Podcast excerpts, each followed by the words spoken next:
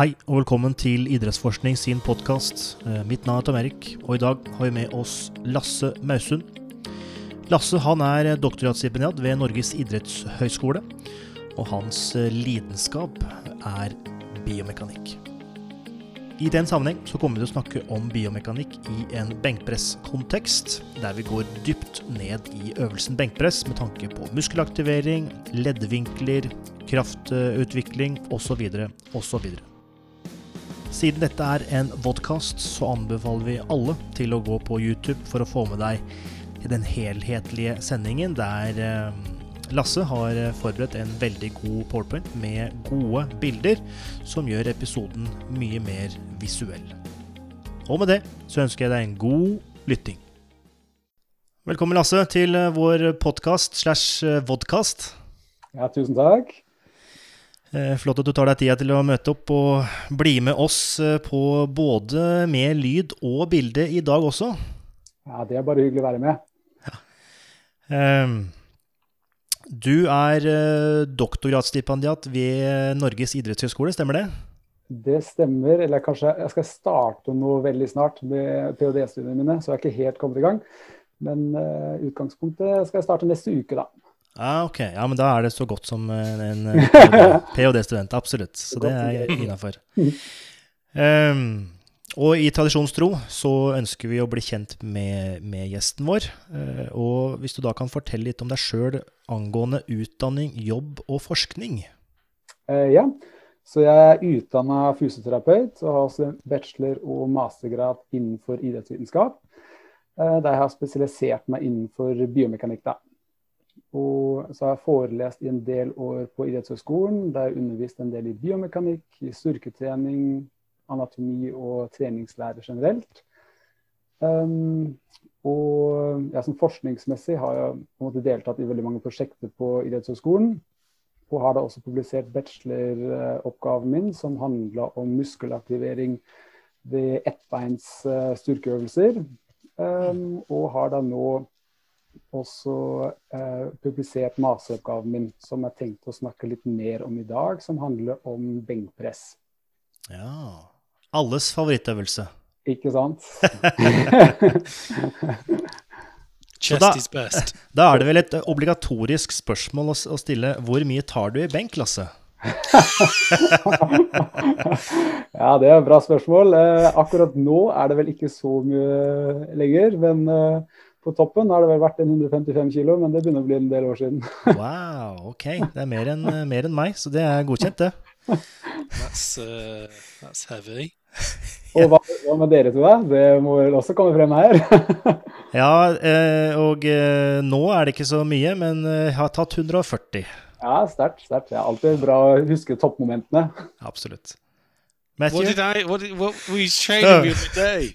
And what was that warm up weight of yours? I managed for three reps. I think it was seven, I think I got seventy k out for three repetitions. uh, yeah, but you managed uh, one ten, haven't you, Matthew? Yeah, or? but uh, I, have got an excuse now. I've got a what do you call it? Papa Papa crop, Papa's crop. Can you say that? Pappakroppa. Ja. ja, ja, ja. Det var vel Du tok 110 før du fikk barn, da, vel å merke, så uh, 115 actually. Oh, nice. Excuse me. but it's those those like small metal weights you can get from like a catalog. So it's probably like 90k or something. Who knows? They're probably fake weights. ja, riktig, riktig. Ja, men det er bra. Da har vi etablert det viktigste uh, ja. Uh, biomekanikk uh, er jo veldig interessant og egentlig ganske vanskelig hvis du skal veldig dypt inn i det. Ja. og som nevnt innledningsvis, så er dette en vodkast, så de av dere som ønsker å få denne visualiseringa som vi skal i gang med, eller få det visuelle, så er det veldig ja, hva skal jeg si, eh, så har det en nytteverdi å gå på YouTube og kikke på videoen der. Fordi du har eh, forberedt en slags presentasjon, Lasse. Så hvis du kan dele den nå? Ja, det skal jeg gjøre. Jeg tenkte spesielt, som du sier da, biomekanikk kan være komplisert, og derfor er det alltid greit å visualisere litt. Ja. Men før du begynner på din uh, powerpoint, hva, uh, hva, er din på en måte motivasjon? Også hvorfor ble det biomekanikk som ble din, uh, din interesse? Nei, jeg har egentlig alltid vært veldig interessert i bevegelsesanalyse. Forstå bevegelser, um, hva som skaper bevegelser, men også hva, skap, hva som skaper smerter. da, uh, Hvilke bevegelser som kan være dysfunksjonelle, og hvordan man kan um, behandle bevegelser som kan gjøre vondt. da. Mm. Så Det har egentlig alltid vært grunnen for min del. Og så har jeg liksom kommet mer og mer inn i biomekanikkmiljøet gjennom idrettshøyskolen. Uh, og blitt bare mer og mer interessert i det. Riktig. Um, og har du, noe, har du noe idrettsbakgrunn, eller? I utgangspunktet er jeg fra basketball, så jeg har spilt basketball en del eh, år i livet mitt. Men det har jeg også gitt opp for noen år siden. Så akkurat nå er det mest eh, egentlig en del styrketrening, en del ski om vinteren. Eh, gå litt på topptur, så litt sånn ganske variert, egentlig. Mm, mm, mm. mm. Men ja, Men din biomekan biomekannikkinteresse går uh, stort sett mot styrketrening og styrketreningsøvelser? Ja, det stemmer. Det, det, er der det har vært, i hvert fall foreløpig. Og det handla litt også om at jeg har undervist mye innenfor det um, for en Aktiv. Uh, og da handla det veldig mye om å prøve å få en bedre forståelse for styrkeøvelser, og også hvordan man kan da tilpasse styrkeøvelsene for å øke belastning for visse muskler, eller, eller også redusere belastning på ledd hvis man sliter med det ene eller det andre. Mm. Mm. I think it makes it makes real perfect sense to understand biomechanics if you're interested in strength training. Mm. Um, and the, I've worked with a guy who's a strength coach in the national system in the UK, and his background was maths, and he just basically converted to biomechanics. But um, do you think I would say that biomechanics is pretty poorly understood for those working in strength training, like personal training or strength and conditioning. Mm. Is that? Do you think that's the case? That's pretty open question, wasn't just Really. Tom Eric, I don't know what your thoughts were on that as well. Ja, ja, men jeg er helt enig. Jeg tror også det er mange som tror eller syns det er kanskje for vanskelig. Og det skjønner jeg hvis man går veldig dypt inn i matematikken, men det er ganske mange fine F.eks. er apper som illustrerer og eh, mm. visualiserer biomekanikken på en mye enklere måte. At det også blir mer lettere å forstå det. Så, så Muscle Animations har jo jobbet en del med det, og har også fått ut noen apper der man ser kreftene og momentarmene som utgangspunktet avgjør også belastning over ledd og muskel, muskulatur på en veldig bra måte, som er veldig lærerik. da. Mm, mm, mm. Eh, så jeg tenker det kan hjelpe veldig mange å få en litt sånn litt mer visuell forståelse av biomekanikk, men også raskere implementere det.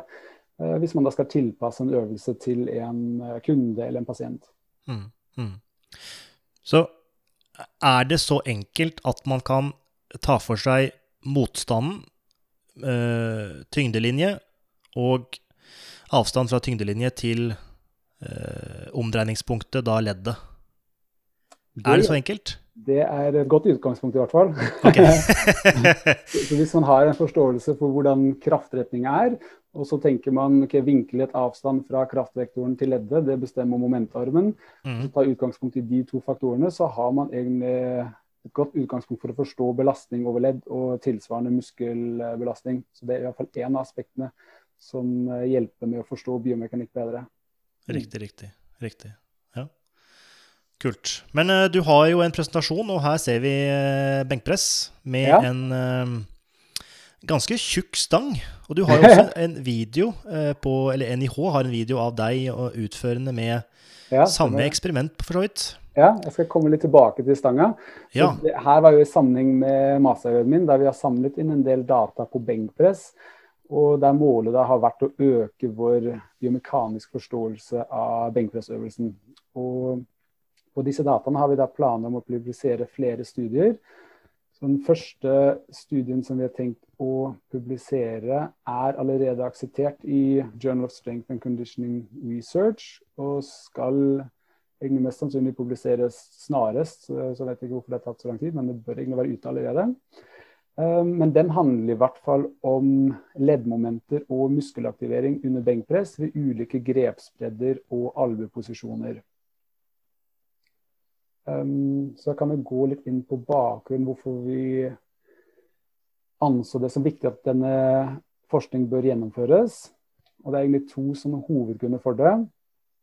Den ene handler litt om benkpressøvelsen generelt og de metodene som har blitt brukt tidligere for å analysere benkpress. For for Enn så lenge er det sånn at mesteparten av kunnskapen vår om benkpressbiomekanikken er basert på EMG-studier. Og For de som ikke vet hva EMG er, det er så for elektromyografi. Og er det en teknikk som brukes for å måle den elektriske aktiviteten i skjelettmuskulaturen. Så vi måler rett og slett muskelaktivering.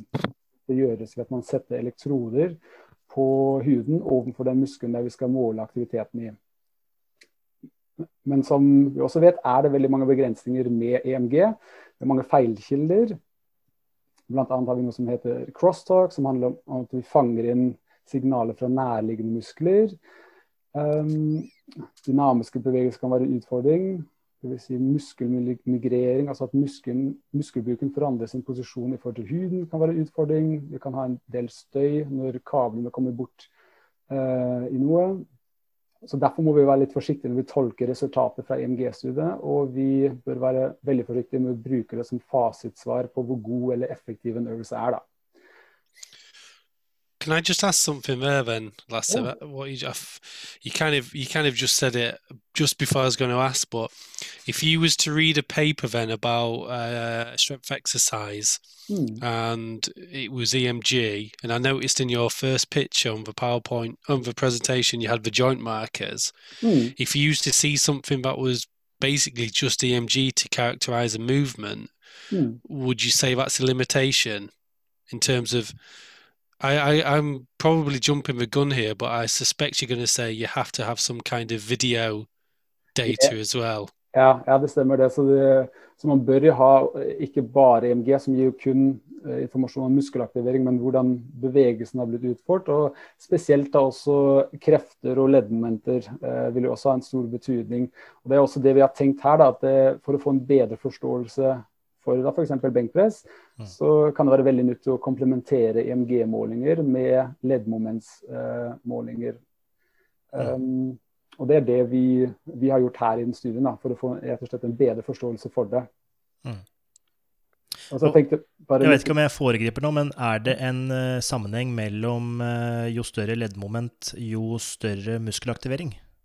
Uh, ja, det vil jeg absolutt si. Mm. Det, det, ser man også ganske tydelig på de grafene vi kommer tilbake til etterpå. Altså Til en viss grad er det det. Eh, det er ganske interessant å se når vi tenker på benkpress. da vi ser men da kan det av og til også være at når du går helt, når det er nederste posisjon, så kan leddmomentene f.eks. over albuleddet være relativt små, men du får allikevel um, Eller nei, motsatt, det kan være relativt høy i, i bunnposisjon, men relativt få, små muskelaktivering. Så for eksempel, hvis vi har en sånn strekningsforkortningssyklus, så vil det, den belastning som vi har på muskelen, ikke direkte fanges opp av, av muskelaktiveringer eller av EMG-målinger. Mm, mm, mm. um, så det, det, har i hvert fall en viss sammenheng, men det trenger ikke alltid å overlappe hverandre 100 da. Nei, nei. Mm. mm. I have one more question, and again, I'm sorry if I maybe jumping the gun. Um, Do you think EMG biomechanics or physiology? If you're only looking at electromyography? Uh, jeg tror det er egentlig litt begge deler. Altså, det er i hvert fall en viktig del av biomekanikk også. Um, I og med at det handler om ja, Man kan jo prøve å se en sammenheng mellom bevegelser og muskelaktivering. Og siden muskelaktivering kan være årsak til bevegelse, så vil jeg i hvert fall si at det også er en del av biomekanikken. da. Og kan være med på å forklare hvorfor bevegelser oppstår eller ikke. Mm. Mm, mm, Kjør på videre med, med powerpointen. Ja, så jeg tenkte litt, uh, Nå vet jeg ikke om alle har så mye kunnskap om leddmoment, men jeg bare slengte inn en liten slide som skal forklare litt det der med leddmomentet. da. Så Et leddmoment er jo på en måte et dreiemoment rundt et ledd, um, som bestemmes da både av kraft og momentarm. Så det er på en måte ens kraft, evne til å skape rotasjon om et ledd. Og Hvis vi tar et sånn enkelt eksempel på det, så bruker man gjerne den, den skiftenøkkelen her. Mm. Um, og her vil du da si at sant, den, det leddmomentet eller det dreiemomentet som vi skaper ved skruen, bestemmes da av momentarmen. altså hvor vi holder på på skiftenøkkelen, avstand fra hånda til eh, skruen, og hvor hardt vi tar i. Så hvis kraften øker, eller momentarmen øker, så vil det også øke rotasjonskraften, eller da leddmomentet. Mm, mm, mm. Og hvis vi overfører litt på muskel-skjelettapparatet, så vil jo det leddmomentet over albueleddet i en bicep curl bestemmes da av kraften, altså hvor tung manualen er, og av momentarmen, som da blir avstand, den vinklete avstand fra kraftvektoren til um, albueleddet. Så jo større dette ytre leddmomentet er, jo større vil også bicepsbelastning være her, da. Mm. Og litt da tilbake til den bakgrunnen i forhold til studien vår. Eh, så vi vil jo gjerne komplementere EMG med leddmomenter, men enn så lenge så har vi veldig få studier som har målt leddmomenter i benkpress. Det finnes en god del av det på øvelser for underekstremiteten, særlig for knebøy, markløft og ettbeinsøvelse har vi mye av. Men eh, egentlig veldig få på benkpress og øvelser for overkroppen. Og de studiene som, finner, som finnes, har en del begrensninger. Og en av de største begrensningene er f.eks. som vi ser i denne studien her, at man går ut ifra at kraften som virker fra hånda, virker vertikal ned. Ja, riktig. Og så baserer man momentarmen basert på det. Så det blir da horisontal, horisontal avstand til um, skulderleddet for eh, skuldermomentarmen. Og horisontal avstand til albueleddet, som da blir albuemomentarmen. Mm. Men det er en studie som kom ut for ikke heller så lenge siden, som da har målt kreftene som virker direkte på stanga. Som vi ser her nede, så her ser vi stangen senkes ned, og her løfter vi stangen opp igjen. Så, og Da ser vi at vi har både vertikale krefter som virker, og horisontale krefter. Og Det vil jo si at den egentlige kraften som virker fra hånda, den virker ikke rett ned, men vi har en vertikal komponent, og vi har en horisontal komponent, så resultantkraftvektoren vil da virke skrå mm. inn og nedover. Og det vil jo selvfølgelig også påvirke momentarmene og leddmomentene. Så Derfor må vi ta høyde for det, da. Men dette, Jeg vet ikke om det er et dumt spørsmål, men vil det da si at eh, momentarmen for albuen i benkpress ikke er til stede? Eh, jo, absolutt. Så her f.eks. hvis eh, Jeg har noen grafer på filmer av det etterpå. Um, så du ser at kraftvektoren vil gå på innsiden av albueleddet, så da får vi en momentarm her, da. Ah, ok, riktig. Og så riktig. får vi momentarm her til skulderleddet. Ja, så jeg har, har, noen filmer av det etterpå, fra de dataene vi har samla inn, da. Mm. Men dette her gjelder kun ved bruk av stang? Dette gjelder kun ved bruk av stang. Altså ved manualet vil det her være annerledes. og Da stemmer det at kraften vil virke rett nedover, for da har vi ikke noe, da har vi ikke noe friksjonskrefter som virker. Mm. Mm. mm. mm. Kult. Mm. Og Hvis vi da også vil ha informasjon om hvor stor den relative belastningen på muskelgruppene er, så trenger vi å normalisere leddmomentene også til et leddmoment som blir målt under en maksimal um, kontraksjon for å få styrkenormaliserte leddmomenter. Så det kommer vi tilbake til etterpå. Og Den andre grunnen for hvorfor vi anså det som viktig å gjennomføre denne studien, her, det var litt mer relatert i forhold til benkpressvarianter. og En vanlig variant av benkpress er å variere grepsbredden. Um, og Hvis vi da får en bedre forståelse av hvor, hva som skjer hvis vi forandrer grepsbredden, så vil det også være lettere for oss å tilpasse øvelsene da til f.eks. atleter, pasienter eller bare folk som er generelt interessert i styrketrening. Men enn så lenge så har vi ikke noe langtidsstudier på det, altså treningsstudier. Og de EMG-studiene vi har på det temaet her, um, har en del motstridende resultater. Så vi får ikke noe god svar um, hvis vi ser på EMG-studiene. Og I tillegg, en siste ting, det er at de studiene har ikke standardisert albueposisjon. Og hvis man tenker på sma, en smal grepsbredde, så kan vi velge enten å ha albuene inn til kroppen eller bort fra kroppen som også vil påvirke biomekanikken, og bør derfor også ta høyde for. Så Det var litt bakgrunn, og derfor har vi valgt som hensikt da, har vi to hensikter. egentlig. Den ene handler rett og slett om at vi vil øke vår kunnskap om biomekanikken i benkpress. Og få en god, um, omfattende biomekanisk analyse. Og også finne ut hvor stor den relative belastning er på muskelgruppene. I tillegg til at vi er interessert i å finne ut om, eh, finne mer ut om effekten av grepsbredde, albueposisjonering, i forhold til leddmomenter og muskelaktivering. Mm. Mm. Da kommer jeg bare til å fortsette med metoden. Så vi har da inkludert 35 styrketrente voksne mennesker. 16 kvinner og 19 menn. Og vi hadde både styrkeløfter og mosjonister inkludert. Og For å kunne være med i studien måtte kvinnene være i stand til å løfte minst 0,7 ganger sin kroppsvekt i én arm benkpress, og menn minst 1,0 ganger kroppsvekten sin. Og alle skulle i tillegg også være eller drive regelmessig med styrketrening og også benkpress. da. Så Det er som grunnlaget for de deltakerne vi hadde. Så vi har i hvert fall et, folk som er vant til å trene styrke, og folk som er vant til å trene benkpress, både kvinner og menn. Og alle deltakerne deltok i, eh, på to testdager. Og på den første testdagen da testet vi forsøkspersonenes 3-10 RM i fire benkpressvarianter.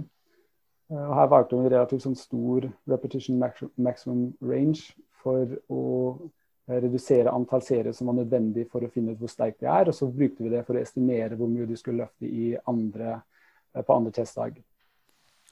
Mm. Mm, og her ser, vi også, her ser vi de fire variantene. Så vi hadde tre forskjellige grepsbreder og to albueposisjoner. Her helt øverst til venstre ser vi nå mediumgrepsbredde. Mm. Så har vi øverst til høyre, det er den brede grepsbredden. Men med samme albueposisjon? Eh, så på, på, medium og bred grepsbredde, da var albueposisjonen ikke standardisert, så da skulle de bare gjøre som de vanligvis pleier å gjøre. Mens riktig, riktig. riktig. Okay, ja. På den smale som vi ser her nede, har vi, én en variant med albuen inn til kroppen, nederst til mm. venstre. Og en variant med alvene ut fra kroppen. Og på, de, på den middelsgrepsbredden og på den brede grepsbredden er nok, har man ikke så mye muligheter for å forandre på alveposisjon. Men på de smale har man en del muligheter, da. Og, ja, så gjennomførte forsøkspersonene alle variantene med et rolig tempo og gjennom hele bevegelsesradiusen uten å sprette stanga på brystet. Mm. Men uh, angående de to videoene nedenfor med, med smalt grep mm. uh, Med tanke på den, måte, den, økologiske verdien, hvor ofte er det den teknikken nede til høyre skjer? Ja, det, det er nok kanskje ofte sånn at det, at det blir en blandingsteknikk. Da, Så noen er vel kanskje uh, litt mellom de to i midten, mens andre er veldig bevisst på å ha albuene veldig inntil kroppen. Så mm. så ekstremt som man ser det på nederste bilde til høyre, vil jeg også kanskje si at det ikke er så mange som gjør. Men det er nok mange som er litt mer mot den, og så er det noen som er litt mer mot den til nederst til venstre. Mm. Eh, men her hadde vi litt fokus på å gjøre det kanskje enda litt mer tydeligere, for å i hvert fall få frem eh, eller se, se forskjellen litt tydeligere. Hva skjer hvis albumet kommer mer ut? Hvordan påvirker det leddment og muskelaktivering? Ja. Mm, så at vi får i hvert fall en et tydelig skille, da. Mm. Men er det uh, Dere valgte kun én side. Vil det gi noe svakhet, eller? Eh, jeg er på EMG-måling, tenker du på? Ja, ja, ja. Uh, ja det stemmer. Uh, det var egentlig fordi vi antok at det ville være mest sannsynlig ganske identisk mellom høyre og venstre. Mm. Vi valgte høyre side, for på venstre, venstre side er jo hjertet litt nærmere, nærmere og det påvirker også EMG-signalene ja. uh, i litt større grad. så Derfor valgte vi da høyre side. Men selvfølgelig vi kunne ha brukt testa på begge sider. Tatt gjennomsnitt av begge. Da hadde vi sikkert fått bitte litt bedre resultater sånn overall, men det hadde også vært uh, ganske mye mer arbeid. Mens sånn leddmomentene og kreftene, det har vi målt på begge sider og tatt gjennomsnitt av det. Mm, mm, så de er nok enda Ehm, enda mer reliable. Mm. Men her har dere jo ganske mange elektroder på én muskel. Altså det er jo tre Ja, fire elektroder Eller er det, ser jeg feil nå, er det fire elektroder på bare brystet? Eh, det er faktisk seks elektroder. Jeg kommer tilbake til den posisjoneringen der etterpå. Okay, da ja. kan vi kikke litt nærmere på det. Ja.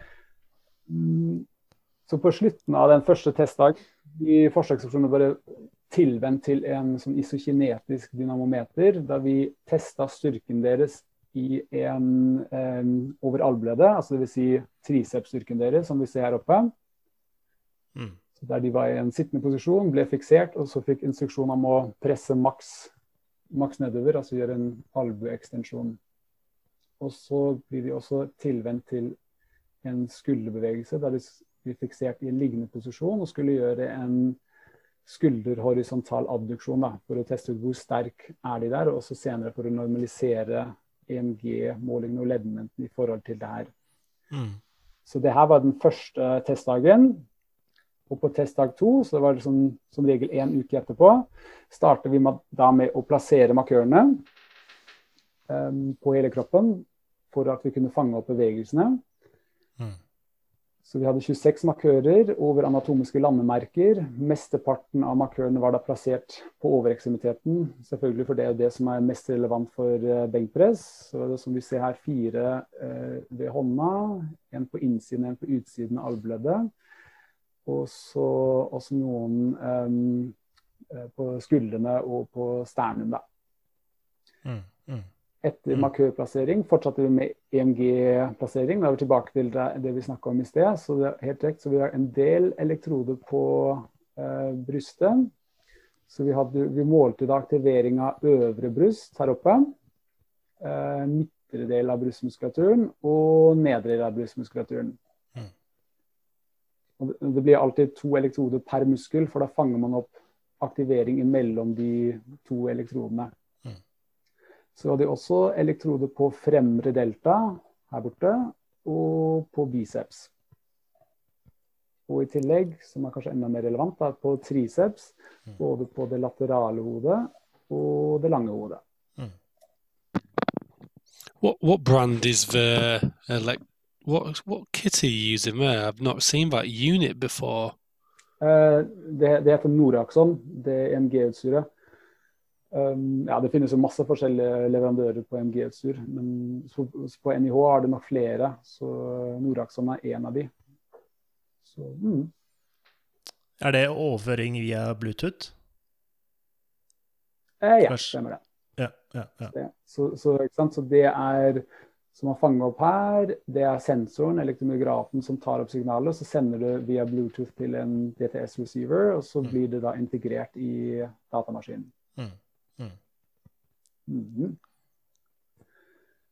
Så etter at vi satt uh, markørene og elektrodene, da måtte uh, forsøkskolonnen jobbe litt igjen. Så da brukte de deres estimerte 6 RM-vekt og ble da bedt om å gjennomføre en 6-8 RM-testserie i hver av de fire benkpress-variantene. Og så samla vi inn uh, både bevegelsesdata, kraftdata og EMG-data mens de holdt på. Mm. Og så etter det, det tok litt tid, så skulle vi igjen da første, første, På første testdag blir det tilvendt til det isokinetiske dynamometeret. Og nå skulle jeg teste for det første hvor sterkt de er over alve- og skulderleddet. Um, og så brukte vi også de resultatene fra de målingene til å normalisere både EMG og leddmøntene til en maksimal referanseverdi. En utfordring med EMG er jo at hvis vi kun uh, måler EMG, så får vi et eller annet signal, men det er vanskelig å vite hvor, hvor høyt det signalet er i forhold til maksaktivering. så derfor med EMG gjør man det alltid sånn at man måler aktivering, og så kjører man en sånn maksimal voluntær kontraksjon etterpå. Og så bruker vi det eh, signalet fra den kontraksjonen og sier ok, det her er maksaktivering som vi får til. Og så alt det vi har eh, testa under benkpress, det er da i forhold til den maksverdien, så vi får EMG-verdier i prosent. da. Mm. Men øh, var det da disse isokinetiske testene som dere brukte som MVC? Eller har dere iso eh, isometrisk i samme posisjon? Eh, nei, vi, vi, brukte de isokinetiske, så det er jo litt mm. mer ukonvensjonelt. da. Så, som, som, regel man isometrisk, men i og med at vi skulle bruke det isokinetiske utstyret, så har vi også normalisert i forhold til det. Ja. Men er det, er det, opplever du noen gang at uh, Oi, beklager. Uh, eh, nei, nei, det går bra. For å unngå at det blir liksom for mye testing og at forsøkspersonen eh, blir altfor sliten av det. Ja, enig. Men opplever du noen gang at, uh, at uh, testverdiene i øvelsen du har testet, har høyere EMG-verdier enn MWC-verdiene, slik at du får 110 120% eh, Ja. Det har vi også klart å få til her. Så det er jo ganske vanlig. Det ser man i veldig mange EMG-studier, at den Ja. MDC-testen eh, at den ikke er på en måte bra nok for å fange opp et maksimalt signal. Og, Mm. hvis man, og spesielt hvis man da tester under isometriske forhold og så um, kjører dynamiske bevegelser, så får man ofte høyere verdier under de dynamiske bevegelsene. Så, så det er jo også en stor utfordring med EMG. at Hvis du får verdiene i prosent, og det sier f.eks. det er 80 av maksen, så må man ta, alltid ta det med en klype salt om det virkelig er 80% eller om MVC-testen um, har vært litt for dårlig utført eller uh, var rett og slett ikke bra nok for å få et maksimalt signal. Ja. Um, ja, så det er alltid en utfordring. Mm, mm, mm. Ja, det har vi for så vidt opplevd Men- sjøl også i laben eh, vår. At uh, noen ganger så ser vi på en måte ikke helt verdien i å normalisere verdiene, fordi det eh, Ja, Du får et veldig rart resultat, da. Og spesielt hvis du skal bare ha crossover-design, og du skal bare ha within subjects-design, så da er det på en måte ikke noe poeng, på en måte. Ja. Eh, Men, Ja, det er sant. Så her, så Hvis man bare skal sammenligne grepsbreddene på tvers av hverandre, så hadde man egentlig ikke trengt å normalisere det. Mm. Men i og med at vi også ville få litt sånn inntrykk av hvor stor er belastning, Mm. altså en relativ belastning på muskulaturen, og sammenligne det med den, de relative leddmomentene. Så derfor har vi normalisert her, da. Ja. Um, mening. Ja, i, I mange tilfeller tenker jeg òg det ikke er uh, nødvendig egentlig å gjøre det. Mm. Mm. Uh, ja, så kommer litt til, så, så Nå har vi liksom kjørt gjennom den testprosedyren som vi har brukt. Så tenkte jeg bare å si litt om målemetoden og bitte litt om dataprosessering, kanskje. Så for, um, for å fange opp leddbevegelsene har vi da brukt et eh, 3D motion capture-system der vi har brukt 16 kameraer, som vi ser i labben her. Som blir da posisjonert rundt benkpressstativ og benken. Eh, Så det er jo sånne infrarødkameraer som sender ut infrarødlys, som da reflekteres på de markørene vi har satt på forsøkspersonen, og så fanges opp igjen av kameraene. Så da får vi, vi 3D-koordinater til hver av markørene til slutt. Og for å måle kreftene har vi da brukt både kraftplattformer som var posisjonert under benken, så én nedre under nedre del av benken og én under øvre del av benken. Mm. Og så har vi da brukt en eget designa stang som var da i stand til å måle kreftene som virker horisontalt langs stangen. Og her ser vi en sånn skisse av den stangen. Um, så det funker da på, på en slik måte at vi har en sånn metallhulse rundt her, og så har vi kulelagre som sklir på stangen, som vi holder rundt her, Mm. og kanskje da presse i en slik retning. Uh, Så vil he alt det her liksom presses eh, utover, og så har vi en kraftsensor her på sida som vil da fange opp hvor stor, stor den horisontale kraften er. Um, Ja, så har vi kraftplattformene og det egne Så den her ble jo designa for det her prosjektet, den stanga. Og har fungert egentlig Um, I don't know if this is a good time to ask it, but would that would what you've done with a barbell there have any influence on how um, a commercial brand could change their uh, instruments, if that makes sense? I think that's pretty. I need to ask that in a better way, but um, is there something cool about what you did there with a barbell that maybe like a Leica or another brand could copy? I know Ah. you've done it for the purpose of research, but would there be a practical application for that? mm, Nei, jeg tror egentlig ikke det. Fair enough. Det, det er veldig interessant for sånn forskningsperspektiv å vite hvor stor kreftene er. Al- Altså Hvis man er veldig veldig interessert i benkpress og kanskje driver med styrkeløft og vil vite hvor mye man presser utover i forhold til eh, oppover, så kan det kanskje ha en applikasjon for eh, utover òg. Men ja, da må man være veldig interessert. Så. Og så er det, så, så, Som vi ser her, så er liksom diameteren av den stangen har blitt relativt tjukk, så det var nok uvant for en del um, personer. Men det venner man seg ganske fort til. Så, så ja, tror kanskje også det er noe som gjør til at anvendbarheten som i praksis blir kanskje litt redusert pga. det. Men man kunne kanskje også fått designa stangen på en slik måte at diameteren hadde vært litt mindre enn det det nå her. Mm. Vet du hvor stor diameter? Uh, det har Skal vi se, hva var det? Jeg, jeg, har det ikke i hodet nå, men den var en god del tjukkere.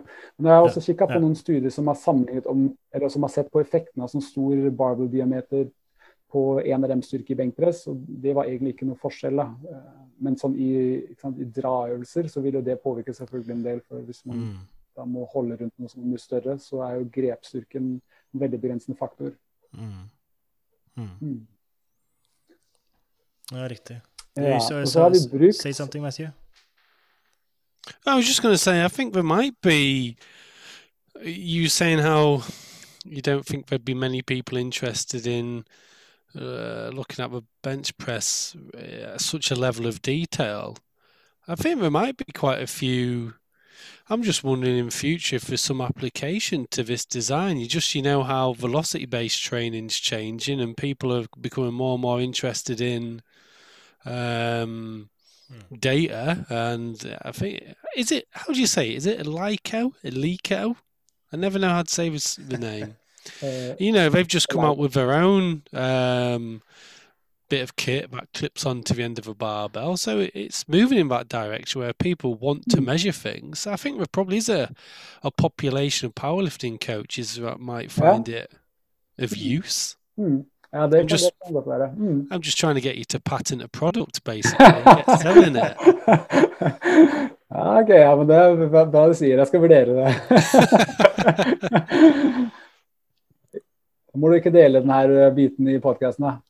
yeah, yeah, yeah.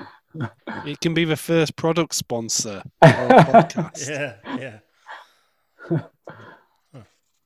um, ja, så har vi brukt da, informasjon fra kraftplattformen for å beregne den vertikale komponenten som virker fra, fra hånda og nedover.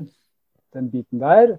Og så har vi brukt informasjon fra stanga til å beregne den horisontale komponenten som virker da innover når vi presser utover. Og de to komponentene blir da eh, summert, og slik at vi fikk beregna en resultantkraft som da virker som skrå nedover innover. Og så tar vi den som utgangspunkt for å beregne momentarmene, som da blir den, eh, den vinklete avstand fra kraftvektoren til skulderleddet og til albueleddet. Og selve leddmomentene har vi da beregnet som produkt av den resultante kraftvektoren og momentarmene. Can I just ask, mm. the vertical force component, you say you, you determine that through a force play. Akkurat. Så du, brukte kraftplattform for å bestemme den vertikale komponenten. Stemmer det? Mm. What, what some oh, I'm just trying to think how to ask this, but where is the force plate positioned? Uh, den er posisjonert under, som vi så her, under, under benken. Uh, OK, yeah, yeah, sorry, yeah. Ikke sant? Så vi yeah. Forsøkspersonen lå jo på benken. Så har vi tatt bort vekten til forsøkspersonen og tatt bort vekten til selve benken. Og så den resterende kraften, det var det den vertikale kraften som virker på, på selve stanga. OK, yeah, cool. Uh, ja. Og Her er jeg også tatt med et sånn video som bare viser de forskjellige prosesseringsstegene.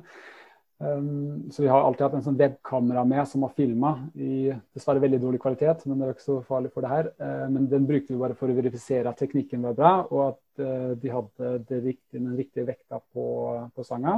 Så her ser vi et eksempel av en kvinnelig mosjonist som her gjør da en benkpressvariant med bred grepsbredde. Så vi ser EMG-utstyr, og det luser, og sammenlign data. Føttene er på kraftplattform, så det var alltid en kriterium som var viktig å ta høyde for. Og så ble alle de dataene da integrert i noe som heter KLSS Track Manager, så en software som vi bruker for å få inn dataene fra um, markørene, fra EMG-en og fra kreftene. Så, så, de punktene vi ser her, er da altså Hver punkt er da en av markørene, og så får vi et sånn tredimensjonalt bilde av bevegelsen. Og de pilene er da kreftene fra selve kraftplattformen. Mm. Så Men øh, øh, For du har jo to plattformer. mm, begge vil jo bli påvirket av den stangas bevegelse, men klarer du å differensiere kraften som produseres av eh, hva skal jeg si, armene og brystet versus kraftene som produseres via beina? For det er vel sikkert være en forskjell mellom styrkeløfterne og de mer mosjonistene, Jeg antar hadde jeg. tenkt litt sånn på det her med leg drive. Ja, Ja, vi, vi har, jeg har faktisk eh, prøvd ganske mye å få noe verdifull ut av det, men det var litt vanskelig fordi, fordi forsøkspersonen har posisjonert seg litt ulikt på benken. Så noen var lenger opp, noen var lenger ned. og Det påvirker med en gang det. Det er forholdet mellom den kraften Ja, som er lenger ned og lenger opp. Så Derfor eh, fikk vi dessverre ikke noen gode tall på det. Men ja. Så da tror jeg vi måtte ha hatt enkelte kraftplattformer bare, bare rett under føttene til eh, forsøkspersoner for å få, Ja, målinger. Men det hadde vært eh, interessant, det der òg. Mm. mm, mm, mm. What's really cool about this um, graphic, as again, I think there'd be quite nice applications as a a powerlifting coach because I assume, and correct me if I'm wrong, Mm. you'd basically say to the lifter that red arrow should just be as vertical as possible. Was that wrong? You basically don't want to see it doing this, right? ja, ja, det stemmer. Men hvis man hadde sett Ja, mm, er det vanskelig altså, Hvis man hadde sett det her fra sida, så hadde nok begge pekt litt innover, da, de kreftene. Og Det handler litt om at det er litt avstand mellom føttene. Men vil ikke Eh, kraftretningen til i hvert fall en styrkeløft-benkpress peke litt mer bakover i konsentrisk fase? Fordi du har den uh, J-endinga i benkpressen presset litt bakover. eh, det kan Ja, det, altså, jeg tenker du på kraften på, på, den, på begge plattformene, eller? Nei, jeg tenker på den øverste, altså den som står bak, eh, altså ved hodet. Mm, mm. Ja, det, ja, det kan godt være. Mm. Mm. Det er absolutt en mulighet. Det har jeg ikke kikka så nøye på. Mm. Fordi så, så du noe endring i um, den vertikale krafta mellom mosjonisten og styrkeløfteren? Eh, altså, nå har vi ikke sett altså, vi har ikke sett så nøye på hvordan det der kraftforholdet mellom fremre og bakre plattform har vært, og akkurat hvilken retning de har pekt. Eh, Ok. For det ene, som sagt, det, har blitt veldig mye bestemt av hvor de har posisjonert kroppen sin i forhold til de to kraftplattformene. Ja. Um, ja, jo, men det, det er helt sikkert noe nyttig informasjon å få ut derfra òg, altså. Mm. Ja, det, det, det er også mulig at jeg spør dumt. Altså det, Nei, nei, nei, det kan også nei, være. Jeg er helt enig. Det er absolutt, eh, det er absolutt helt, det er sikkert noe nyttig å få ut der òg. Mm. I have another question about force play. It might not. I keep. I feel like I'm asking questions at the wrong time, and you're going to answer it anyway. So if I am, just if I'm asking the question at the wrong time, just tell me. But um, could you have had a force play in the bench? Would that have made any difference? The reason I ask that is Mm. I actually worked with a guy, a sports therapist, who was. and He's produced a couple of papers on this. He was working with some engineers, and they built force plates in a massage bed. And then, moving from a more kind of commercial force plate, they actually got and validated it. Where you know the Nintendo Wii. Ja. Can you remember the Nintendo Wii? Mm. They put the platform in a massage bed and they could validly measure the amount of force applied to it directly under the under the bed. Ah, Um, so I don't know if it would have been any different to have had the force platform or the measurement of force directly in the bench. Would that have made a difference? Do you think? Eh, nei, jeg, tror ikke det hadde vært noe forskjell akkurat her. Det tror jeg ikke. Altså det, det absolutt optimale hadde egentlig vært å ha hatt en kraftmåler i, i selve stanga, som også Mm. registrerer den vertikale komponenten. Mm. Eh, For det er det vi er mest interessert, interessert i. Hvordan er det de utvikler kraft i forhold til stanga. Eh, Men om man hadde hatt det i benken eller under føttene, det tror jeg ikke hadde gjort noe forskjell her, egentlig. So da kunne man really, it's not worth people exploring that as a commercial product. Eh, men det har helt sikkert en god anvendbarhet i an andre sammenheng, det tror jeg. Ja, ok. Uh, akkurat her kommer jeg ikke på noe, men det er jo veldig greit å ha at man kan måle krefter på ulike plattformer på ulike måter, enten mot stenger eller mot et underlag. Uh, det gir jo mye mer fleksibilitet, i hvert fall i forhold til sånne forskningsspørsmål. Da. Mm. Mm. mm. Ja, så etter integrering i QTM så blir det overført til Matlab, og der blir all informasjonen da prosessert. Så da, Nå har vi brukt vertikale kreftene fra kraftplattformen, horisontale kreftene fra stengen, fått en resultantvektor, den er blå vektoren, som, som vi ser da, som vi snakka om litt i starten, som virker litt innover og nedover. Og så momentarmen, da, som tilsvarende blir den vinklet avstand fra kraftvektoren til leddmomentene, som da bestemmer hvor stor leddmomentene blir. Um, ja, så det er da utgangspunkt for de resultatene vi kikker på nærmere nå, da. Mm. Kult. Er det, altså, I og med at det er, som du sier innledningsvis, at det er ulike måter å regne uh, dette med ekstern momentarm og, og dette med moment, da, leddmoment, mm. så er, er alle biomekaniske forskere enige i at dette er metoden å gjøre det på, eller er det flere som, eller andre som er tilhengere av den gamle, eller jeg vet ikke hva jeg skal kalle det, men den andre. Simplifisert vil jeg kalle det for.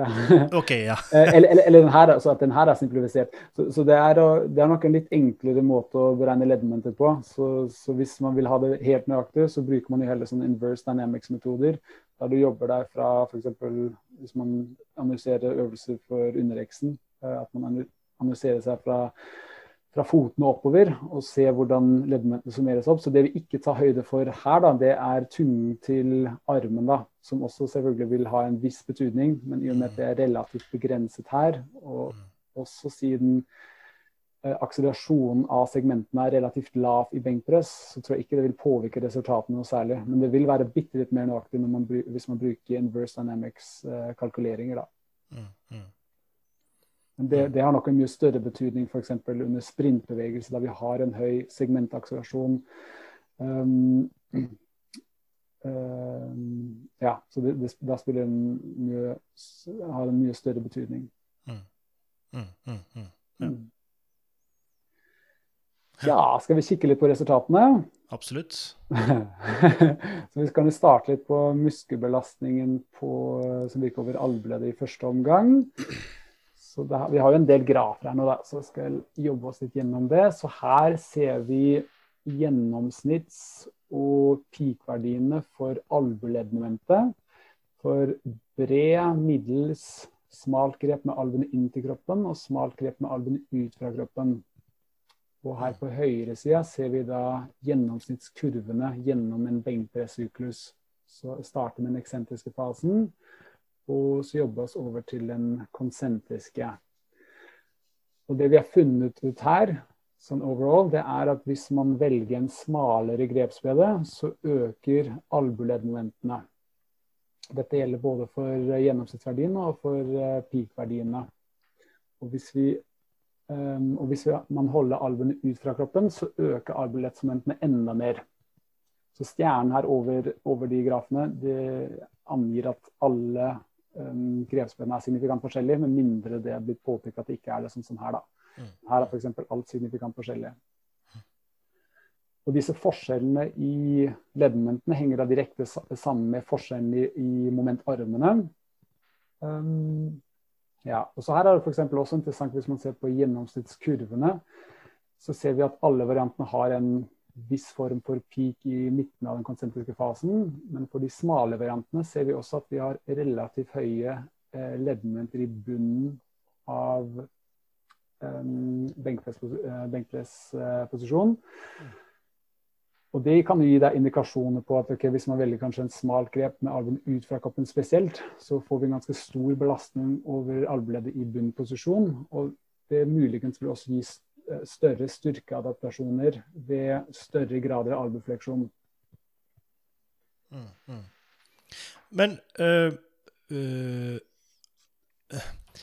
Hvis jeg var bodybuilder og er ute etter størst mulig triceps You are a bodybuilder. Maybe. Versus det å være en benkpresser i styrkeløft, så er vel jeg ute etter forskjellige momentarmer. Altså Som styrkeløfter så er jeg vel ute etter kortest mulig momentarm. Eh, ja, det er sant. Så det, det blir en, for, ja, en annen problemstilling. da. Eh, men hvis du er kun interessert i å øke belastning over eh, allbleddet og få størst tidsattraktivering, da bør du nok velge en litt smale variant. Så med den teknikken så kan man ha lavere motstand, altså mindre vekt på stanga, men samtidig få et stort moment, og dermed en større, stor eh, påvirkning. Ja, ja akkurat. Mm. Ja. Sorry, Tommy. What did you, which one did you just say would be lower? I didn't hear what you said. Well, I didn't understand what you said, Ben. Eh, narrow out. Yeah. Okay. Yeah. Mm. Ja, interessant. Og hvis vi da ser på muskelaktivering i forhold til det her, eh, så får vi noe av de samme resultatene egentlig. Eh, Litt mindre, litt mindre tydelige som leddmomentene, men vi får en samme tendens. At hvis vi velger en smalere grepsbredde, så øker også EMG-aktivering. I hvert fall av det laterale hodet av triceps. Så smale grep, mer aktivering av triceps. Men vi fant kun av det laterale hodet, så vi fikk ikke noe forskjell for det lange hodet. Og dette kan jo muligens ha noe med det å gjøre at den, det lange hodet av triceps har eh, flere funksjoner som det, kort, det laterale hodet ikke har. For den går jo over skulderen, det vil også ha noen påvirkning der. Mm. Um, ja, men jeg skal ikke være helt sikker på hvorfor det, vi ikke fant noen forskjell der. Men også litt igjen tilbake til IMG. Det er veldig stor variasjon fra person til person hvor høy de signalene blir. Um, og Det gjør, gjør, også til at standardavviket på de dataene blir veldig høy. og Dermed er det også mye vanskelig å få signifikante forskjeller um, mellom grepsbedene. Mm. Mm. Hvis vi fortsetter litt med skuldermuskulaturen, eller muskelbelastning av skulder- og brystmuskulaturen, så fant vi egentlig akkurat det motsatte som, som vi fant med allbleddet. Så det er litt egentlig som forventa. Så hvis vi velger en bredere grepsbredde, så øker også skulderleddsmomentene. Det ser vi både for gjennomsnittsverdiene og også for peak-verdiene. Og det er også ganske tydelig på gjennomsnittskurvene her borte. Mm, mm, mm. Så hvis man da tenker på styrkeløfteren versus bodybuilderen, Mm. hva hadde du anbefalt av krepsbredde til de to utøverne? Eh, jeg hadde anbefalt for en styrkeløft, Jeg jeg nok valgt det bredeste. Så det, det, det merker vi også at de fleste velger bredt grep hvis man er styrkeløfter. For det, ja, det reduserer um, leddmentet over eh, Eller albueleddmentet. Og øker belastning over skulderleddet, og der er vi jo mye sterkere. Så derfor klarer de fleste nok også å løfte mer med en bredere grepsbredde Mm. overall. Men for en bodybuilder hadde jeg kanskje heller valgt en middels eller litt smale variant, for da får du også en større range of motion, Mm. uh, som jo også har en del å si for muskelvekst. Mm. Mm. Eh, men igjen, altså, på mange av de her tingene, det er jo variasjon som også er veldig avgjørende for eh, treningstilpasning over tid. Mm. Eh, både med tanke på styrke og muskelvekst. Mm. Så det tenker jeg også er lurt å ta litt høyde for. At det kan være lurt av og til å variere litt. Mm. Mm. Mm. Absolutt. Men det fins jo eh, studier der ute, og jeg har ikke oversikt over alle, men som har sett på dette med grepsbredde og EMG i benkpress. Mm. Og der er det vet du hva, Det studiet jeg husker nå, i hodet mitt, så fant de ikke noe forskjell mellom eh, smalt og bredt grep eh, i, hos styrkeløftere, faktisk. Eh, eneste forskjellen var at i bredt grep så var det vel Eller var det smalt grep? Det var iallfall høyere bicepsaktivering i en av de.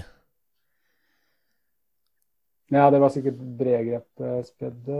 Det, det fant vi faktisk også her, men i og med at biseksaktivering er såpass lavt, så har det nok ganske lite å si generelt for selve, selve øvelsene. Mm. Uh, ja, men det er jo litt som jeg sa innledningsvis, det er litt sånn motstridende resultater i forhold til det på, på EMG-fronten. Så noen viste at det ikke er noe som helst forskjell mellom alle variantene, mens andre fikk da en litt større tidsaktivering med smale variantene. Um, ja, så det var liksom, man fikk ikke helt en tydelig svar fra det som er Mm. gitt der enn så lenge.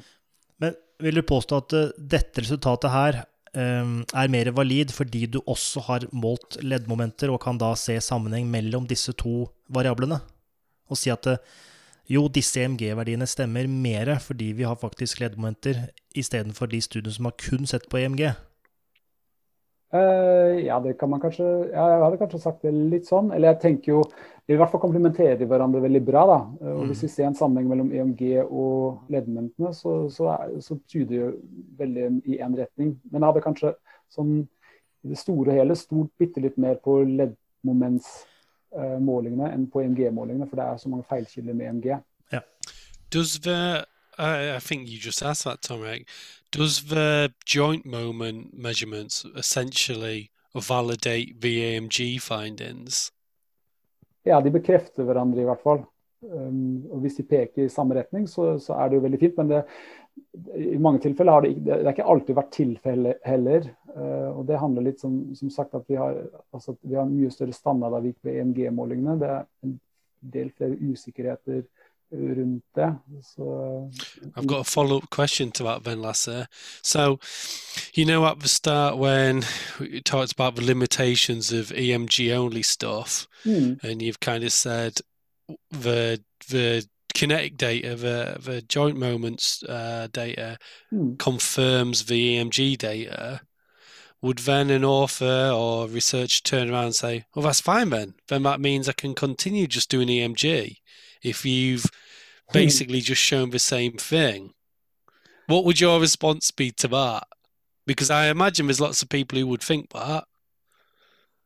Uh, ja, men altså, litt, litt, som sagt tidligere, for det er jo det, Jeg husker ikke hvor mange studier det var, men det var en del studier som har sett på det her med grepspedet og sett på EMG-aktivering. og det, det, har vært veldig forskjellig hva folk eh, fikk opp. så Noen fikk forskjell, andre fikk ikke forskjell.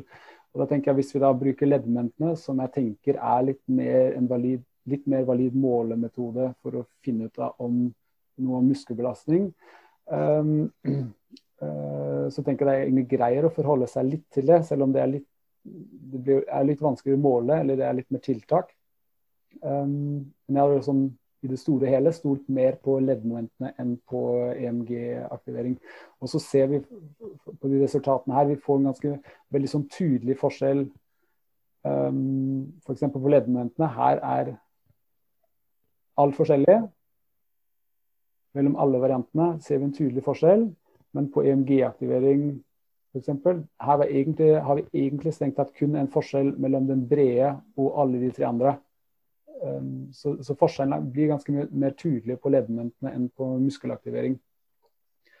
Men jeg, jeg, tenker, altså, altså man, jeg, tenker, det beste er å ta med begge deler, egentlig. For de leddmomentene vi har målt her, de kan heller ikke spesifisere f.eks. skulderleddsmomentene. De kan ikke spesifisere på akkurat hvilke, hvilke muskler belastning er størst på. fordi vi har jo bare målt skulderleddsmomentet som ett. Og om det der øker belastning på fremre delta eller midtre eller nedre bust, det kan vi ikke svare på med de leddmomentene vi har målt. Da. Mm. Så Derfor er det veldig greit å bruke begge deler.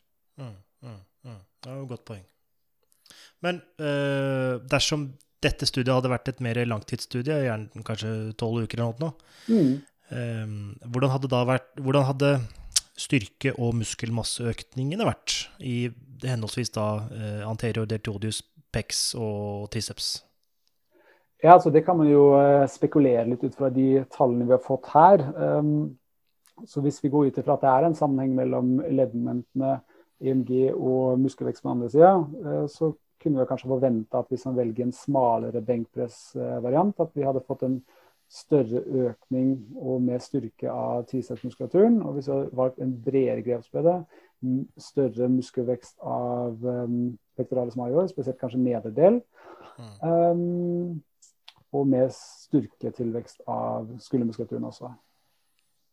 Mm. Mm. Ja. Så vil du da si at det er en uh, sammenheng mellom leddmoment og langtidsvirkninger i styrke og muskelmasse? Ja, det blir, det blir, litt spekulasjon fra min side. Eh, det, ja, det, det, det, er vi veldig klar over, fordi vi, så, lenge, så, lenge, det ikke finnes studier som har kikka akkurat på det, så blir det nok litt spekulasjon. Eh, men eh, jeg vil jo forvente at det er en viss sammenheng, i hvert fall. Det tror jeg. For det var jo et studie Om det kom ut i fjor, kanskje.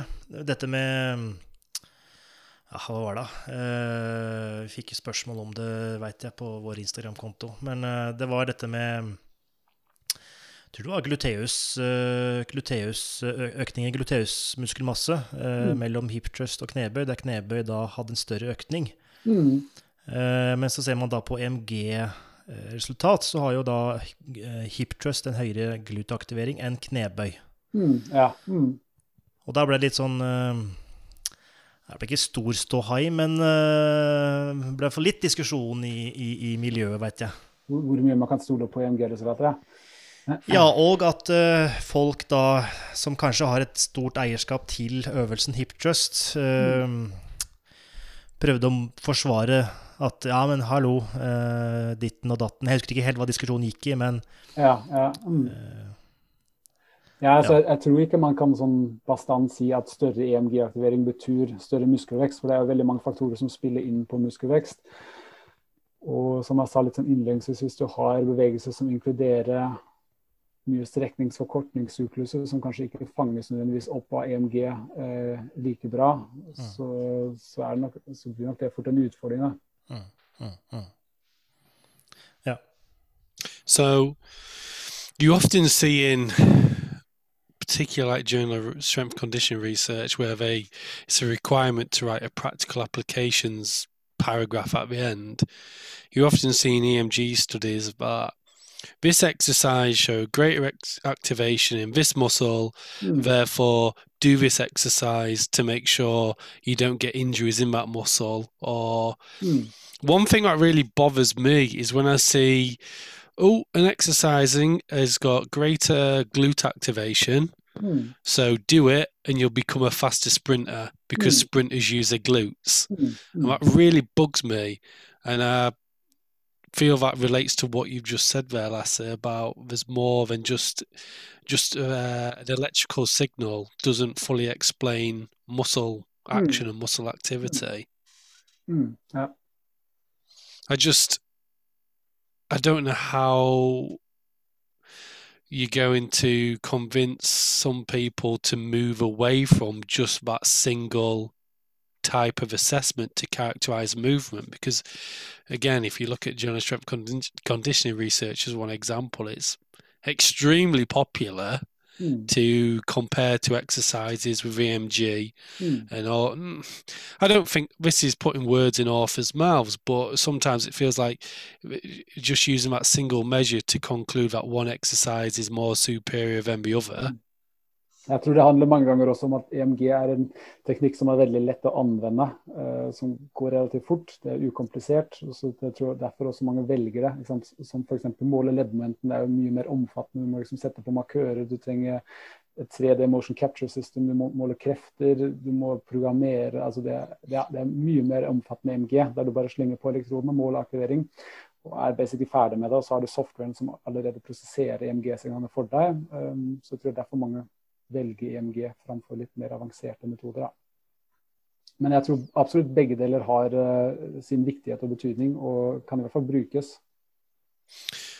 Well, it goes back to what you said about it. it's kind of confirming maybe what you found from one measure, but that's important for our topic that we need to collect as robust data as possible.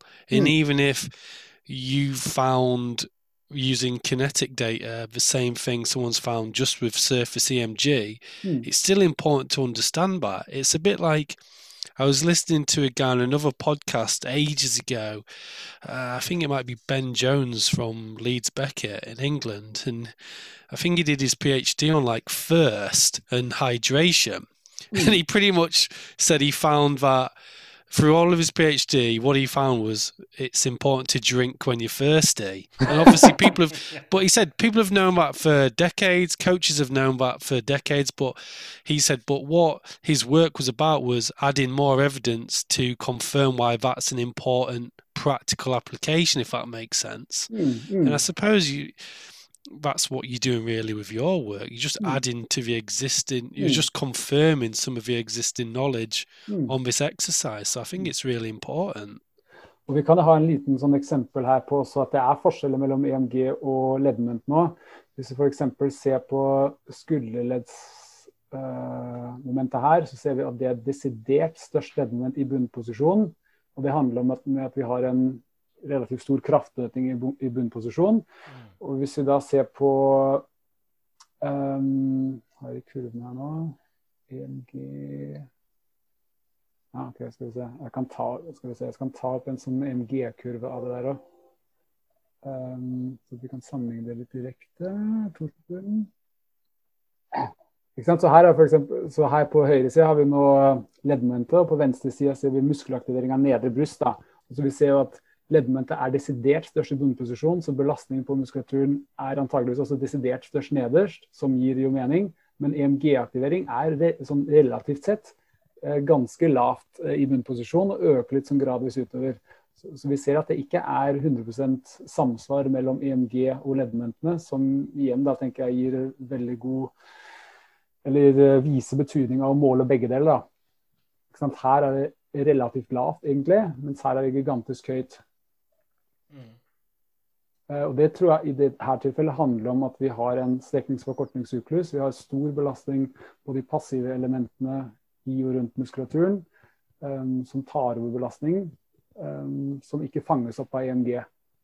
Men som absolutt tenker jeg, vil ha betydning for styrketilpasninger og muskelvekst. Så sett litt på leddmomenter. Um, så det vi ikke har kikka på, er muskelaktivering av skuldermuskulaturen. Så det vi fant her, det er at hvis vi velger en smalere grepsbredde, så øker det muskelaktivering av både fremre delta og av øvre bryst. Um, og at de to musklene uh, oppfører seg litt likt, det henger jo mest sannsynlig sammen med at de har en, eh, samme muskelfunksjon. Da. De gjør en skulderfleksjon. Og at den muskelaktiviteten øker da ved smale grepsbøy, gir jo også mening i og med at vi, den hovedsakelige bevegelsen vi gjør ved smale benkpressvarianter, er jo en skulderfleksjon. Så at vi da får høyere aktivering av fremdelta og eh, øvre bryst, gir også mening. da. Mens motsatt, da, hvis vi ser på nedre bryst, Um, da ser vi det motsatte. At hvis vi velger en bredere grepsbredde, så økes aktivering av nedebrystmuskulaturen. Og det igjen vil også henge sammen med bevegelsesmønstrene som forandres fra en skulderfleksjon ved smalere grepsbredde til en mer form for skulderhorisontal adduksjon, som er en av funksjonene til nedre brystmuskulaturen, og som derfor også er grunnen til at vi får en økt aktivering når vi velger bredere grepsbredder og den midtre delen av pectoralis major, her fant vi ikke noe forskjell mellom grepsbreddene. Men det tenker jeg gir også mening. Hvis vi velger en smalere grepsbredde, så øker aktivering av øvre bryst. Hvis vi velger en bredere grepsbredde, så øker aktivering av nedre bryst. Og at vi ikke finner noe forskjell i, midten der, um, det passer bra, stemmer bra overens med det. Så okay. det vi egentlig kan konkludere med, basert på de resultatene vi har funnet, det er for det første, som vi ikke har snakket så mye om akkurat nå, det er at vi har en relativt sett, en ganske høy muskelbelastning av både albu- og skuldermuskulaturen. og Derfor kan vi anta at alle disse benkpressvariantene vil føre til, eller vil være ganske effektive for å stimulere styrke- og muskelveksttilpasninger av både albuekstensorene og skulderfleksorene, horisontaladuktorene. I tillegg så har vi også sett at grepsbreddene påvirker Eh, leddmomentene og muskelaktivering. Og mer spesifikt har vi da sett at hvis vi velger en bredere grepsbredde, så vil det øke muskelbelastning over skulderleddet. Um, og vi kan mest sannsynlig derfor også forvente større styrke- og muskelveksttilpasninger av skulderhorisontal-adduktorene, særlig da pectoralis major nedre del, uh, hvis vi velger bredere grepsbredder. Men det man også bør tenke litt på her, det er at hvis vi velger bredere grepsbredde, så vil det også øke belastning over skulderleddet. Så hvis vi har en person som sliter litt med skulderplager, så kan man heller kanskje vurdere å velge smale grepsbredder når man skal eh, kjøre benkpress. Mm. Og på den andre siden eh, har vi sett at hvis vi velger smale grepsbredder, så øker det muskelbelastning over albueleddet, og øker også muskelaktivering av skulderfleksorene. Så tilsvarende kan vi også mest sannsynlig her forvente at vi får større styrke- og muskelveksttilpasninger av albueekstensorene og eh, skulderfleksorene hvis vi velger smale grepsbredder. Og hvis vi da er interessert i å få mest mulig belastning på albuesensoren, altså triceps, så kan det være lurt å eh, holde albuene ut fra kroppen. Mm. Men også her, litt som i samsvar med det vi snakka om i forhold til brede grepsbøyere, hvis vi har en person som har litt vondt i albuleddet, vil det også her være lurt å velge heller, heller bredere grepsbøyere, for da får vi redusert belastning over albueleddet. Mm. Mm. Så det var litt sånn overall konklusjon av det vi har funnet ut. Mm. Riktig. Ja, men det gir fullstendig mening, egentlig. Så det er ikke noe som øh, Det er ikke noe som sånn overrasker, egentlig? Nei, nei, nei det, det, er jeg enig i. Så resultatene i seg selv er ikke overraskende. Det er litt som du har forventa òg. Mm. Uh, og det er litt som, som tror jeg mange kjenner på selv òg når de har gjort øvelsene. Um, så det er jo egentlig veldig. But I, it goes back to a point I was saying. It's just yeah. it's more it's more robust evidence to confirm what some people already think. Yeah, um, yeah. My question is from this work you've done, and it kind of relates to a question we got on Instagram. Um, yeah. Who who who is this? Who is this information really for? Is it more from an understanding of bench press from an injury perspective? Is it more about understanding a bench press from a kind of hypertrophy perspective? Or is there any application as a as a power lifter or any implications for uh, those who might use bench press as their training as a athlete in team sports like football or um, a javelin thrower mm. because i would assume that it's maybe more of interest to physiotherapists and those interested in building or increasing hypertrophy in a muscle rather than sports specific training. Oh, I might be completely wrong. You might have a completely different opinion. What, what's, who's this really for, Lasse?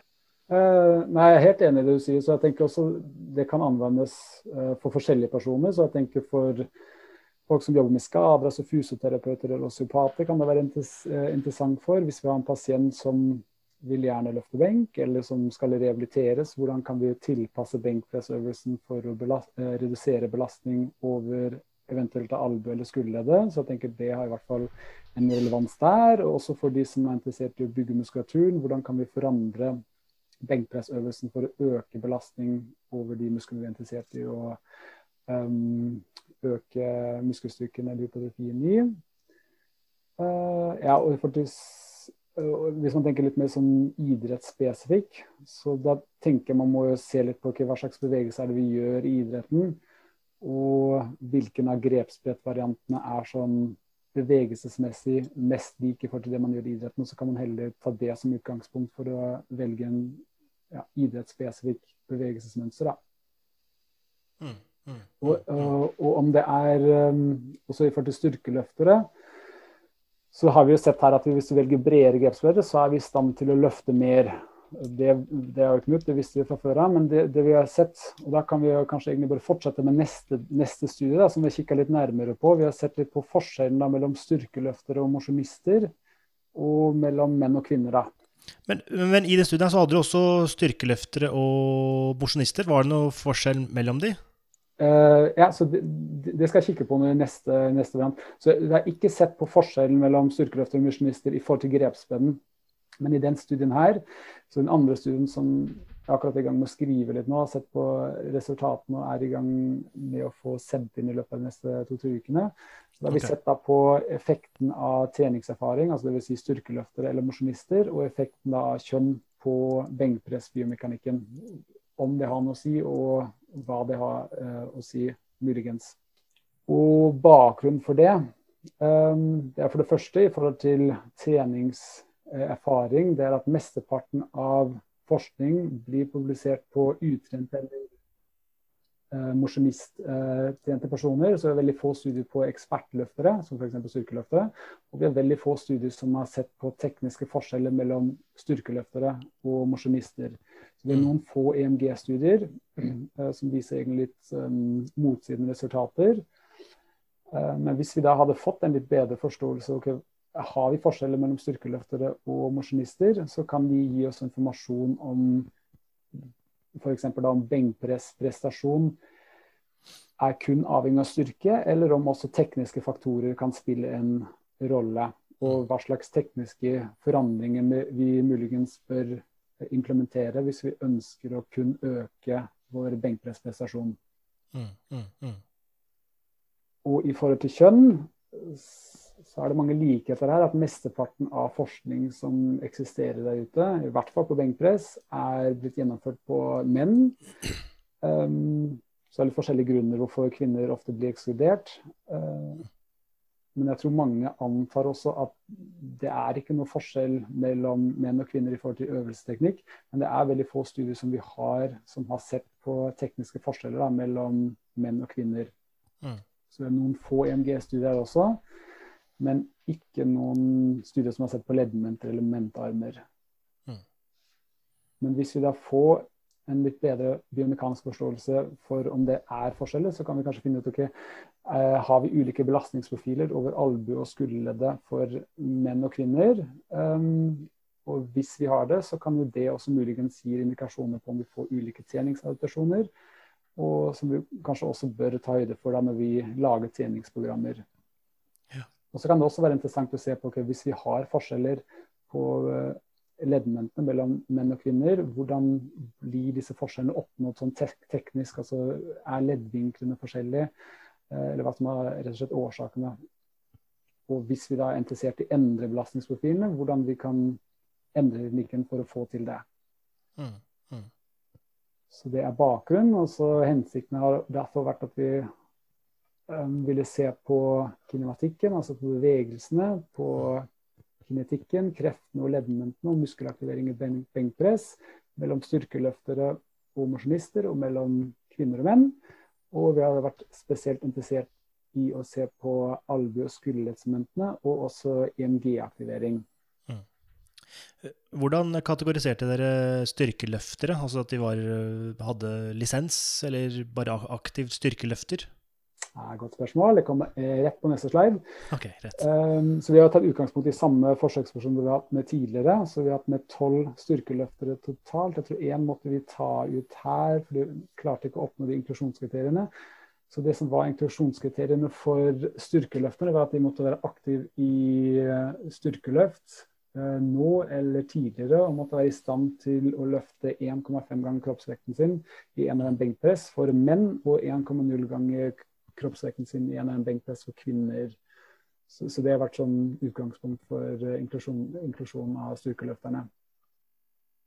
Mm, og når vi har sammenlignet um, menn og kvinner og styrkeløftere og mosjonister, så har vi brukt av den middels grepsbredde som utgangspunkt. Um, så vi har ikke kikka på effekten av grepsbredde og tatt det med i betraktning her. Så vi har kun sett på ok, er det forskjeller i øvelsesteknikken hvis vi tar utgangspunkt i at vi bruker samme eh, grepsbredde. Og målemetodene de har vært de samme som vi har snakket om tidligere. Mm, mm, mm. da er vi egentlig allerede på resultatene her. Um, så her er egentlig bare grafer nå, men jeg har kjørt den statistiske delen nå, så jeg kan bare forklare hva vi fant ut her. Så det, ja, det blir mange grafer her. Ja, det liker vi. Um, ja, det er bra.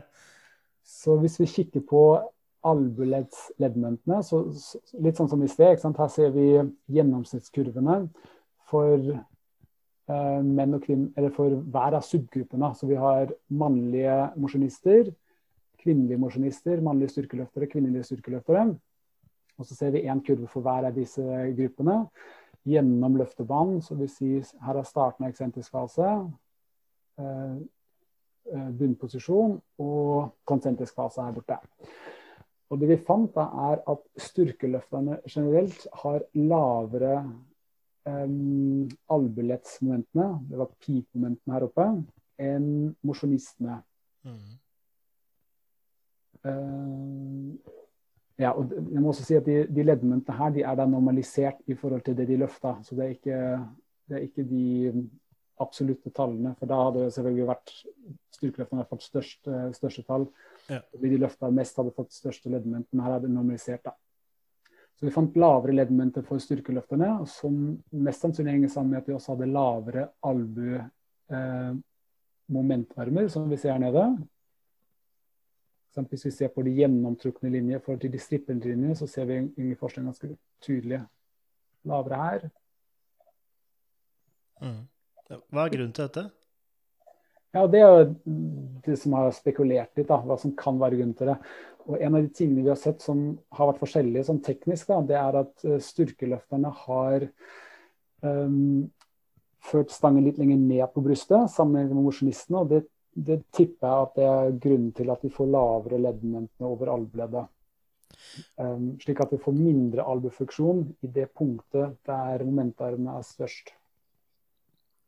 Hvordan var øh, oppspennet? Vil det være forskjellig her, og dermed Ja, så, så det, var, det, var, også noe som var helt tydelig forskjellig. Så styrkeløfterne Så de fikk lov til å gjøre det akkurat som de pleier å gjøre. Så styrkeløfterne de hadde, de hadde mye kortere range of motion, både over albueleddet og skulderleddet, og kortere uh, stangbevegelse da, totalt. Mm, mm. Men det tror jeg ikke at det har så mye å si for selve albueledds uh. Fordi belastningen over albueleddet er jo størst sånn i midten av konsentriske fase. Og i og med at de snur bevegelsen tidligere, så tror jeg ikke det vil spille så mye inn der. Så jeg tror heller den, jeg tipper at her er det den horisontale løftebanen som har bitte litt mer å si for hvorfor det er forskjell på albueleddsmomentet. Mm. Mm. Mm. Um, og hvis vi ser på skulderleddsmomentene, her uh, fant vi faktisk ikke noe forskjell mellom um, styrkeløfterne og mosjonistene.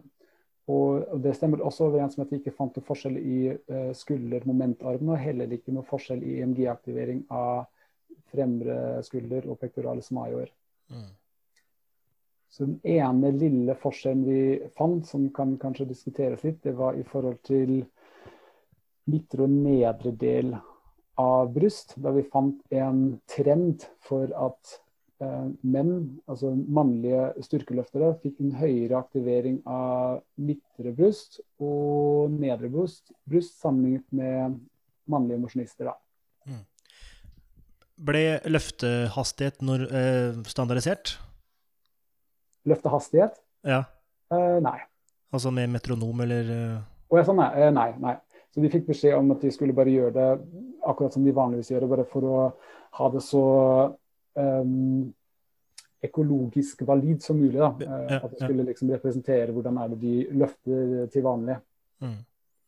Men kan da hastighet ha noe å si her? Um, at de kommer seg raskere, ikke raskere, men kommer seg mer helskinnet gjennom sticking region, og så får de en ja, kanskje påfølgende raskere hastighet, som igjen kan påvirke EMG-resultatene? Jeg, jeg, har ikke kjørt statistikk på hastighet, men um, det har vært veldig lite på, forskjell på grafen i hvert fall, så jeg tror ikke det spiller en rolle her, egentlig. Ok, ok. Mm. Um, så jeg tror Altså hovedgrunnen til at vi har forskjell her ved albueleddsmomentene, er nok disse momentarmene. Um, ja, og det tror jeg har med den horisontale løftebanen å gjøre. Mm. Mm. Um, skal vi se, så har vi snakka litt om motion. Uh, ja, så det var litt sånn grovt sett de resultatene vi fant mellom styrkeløfterne og mosjonistene. Um, så lavere albueleddsmoment for styrkeløfterne og ikke noe forskjell i forhold til skulderleddsmomentet. Kanskje en tendens til økt aktivering av nedre boost, i hvert fall hos menn.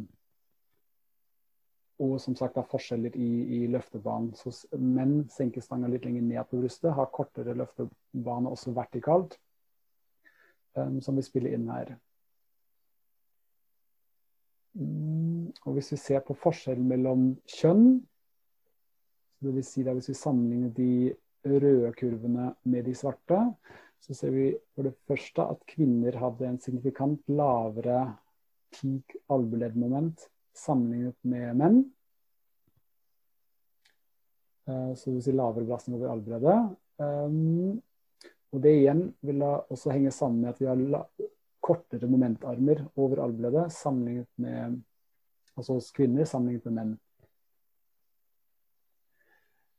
Og så igjen Her kan man også spørre seg hvorfor har kvinner det. Fordi disse momentene er jo også normalisert i forhold til armlengde.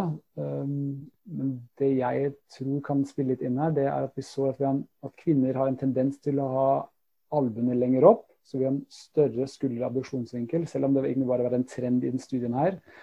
Um, så vil jeg, Det er den eneste jeg ser som kan ha en um, som kan være en grunn til at vi får større albuelettsmomentarmer.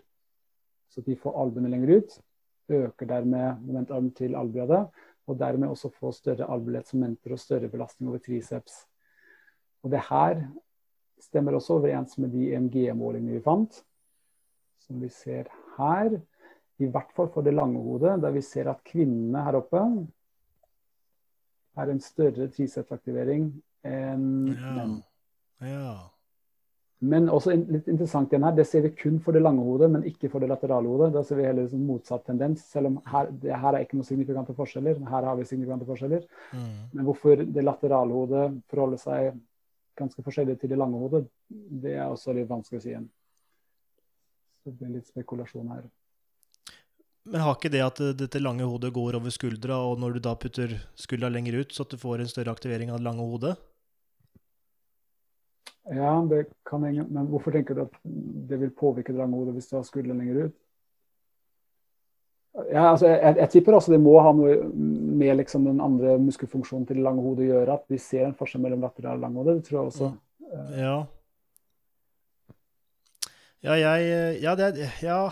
altså hvis jeg, hvis jeg, Dette blir jo selvfølgelig rent anekdotisk og spekulativt, men når jeg uh, har jobba i, i videregående og fått mine elever til å ta pushups. Mm. Eh, og da føler jeg ser damene, jentene, ja, ja, er mer ja. mer albuene ut. Ja, ja, helt enig. Så det, det, er akkurat det, samme, det, vi fant her, på en måte, eller en trend til. da. Mm. Mm.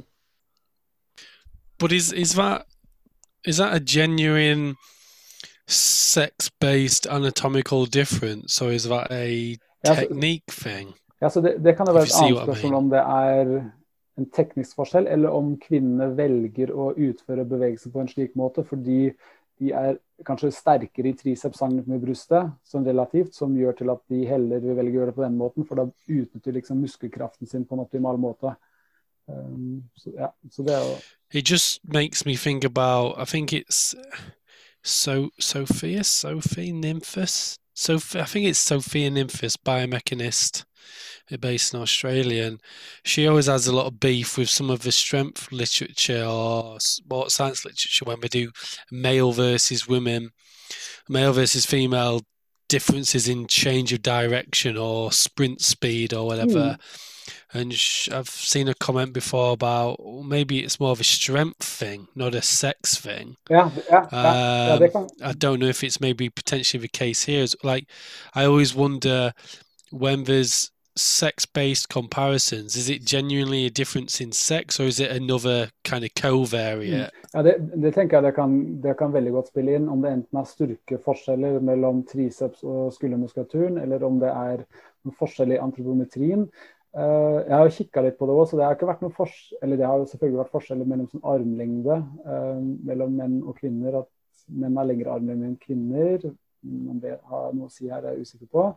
Eh, men vi har også sett ut på, vi har også målt styrke hos eh, kvinner og menn. Um, men der har vi, vi har funnet en forskjell Skal vi se hvor vi har det.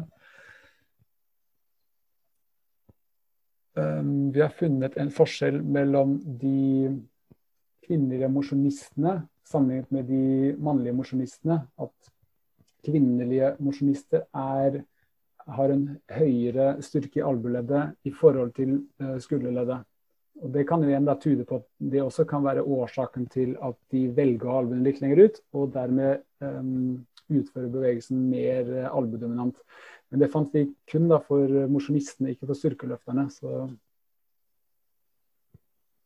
så har vi sett jeg skal se, da har vi, vi har snakket om albueledsmomentene, så har vi ikke snakket om skulderledsmomentene ennå. Så det vi fant her, det er at kvinner hadde en lavere Eh, altså altså gjennomsnittsskulderleddmoment, enn uh, menn, som da mest sannsynlig også henger sammen med at de har hatt en litt lavere skuldermomentarm skulder-moment-arm, selv om det også var kun en trend, så det peker i den retning. Men det her ble signifikant for styrkeløfterne, som vi kan se på de kurvene her. Og at vi fikk en lavere belastning over skulderleddet, det stemmer også godt overens med EMG-målingene, da vi fikk en tydelig forskjell mellom midtre og nedre bryst, der kvinnene hadde ganske mye lavere aktivering enn menn. Så, så, så, vi kan på en måte sammenfatte at kvinner løfter mer albudominant og mindre skulderdominant. Ja, og har det um, Er det bare sånn det er, eller er det noe en coach burde vite om å få uh, ja, Nå kommer jeg med en sånn svart-hvitt påstand, men burde da jentene trene mer bryst og skulder, og guttene trene mer triceps? Mm, ja, ja, det er et godt spørsmål. Det er sånn, så, så, så, det kan man jo lure på. Okay, er den styrkeforskjellen mellom kvinner og menn i benkpress er den kun pga. at det er store styrkeforskjeller mellom kvinner og eh, menn, eller er det også tekniske faktorer som kan spille inn? Så Da kan man jo eventuelt uh, si at eventuelt det med uh, albredde kan spille en rolle. Så hvis kvinner eventuelt får albuene litt mer inn, at de dermed får mer belastning over brystmuskulaturen og der til syvende og sist klarer å løfte mer. Mm. Men det blir, det blir, veldig spekulasjon, da. Men det er greit å spekulere litt. Ja, Men hvis de i utgangspunktet er sterkere i triceps sammenlignet med bryst, så er det litt sånn spørsmål om man skal forandre noe på det. Men jeg tenker jo samtidig at brystmuskulaturen vil jo kanskje ha litt større potensial til å bli sterkere og større. Og dermed mm. er det kanskje lurt at de også prøver å legge størst mulig belastning på brystmuskulaturen. Mm. Ja. ja, det gir mening. Mm.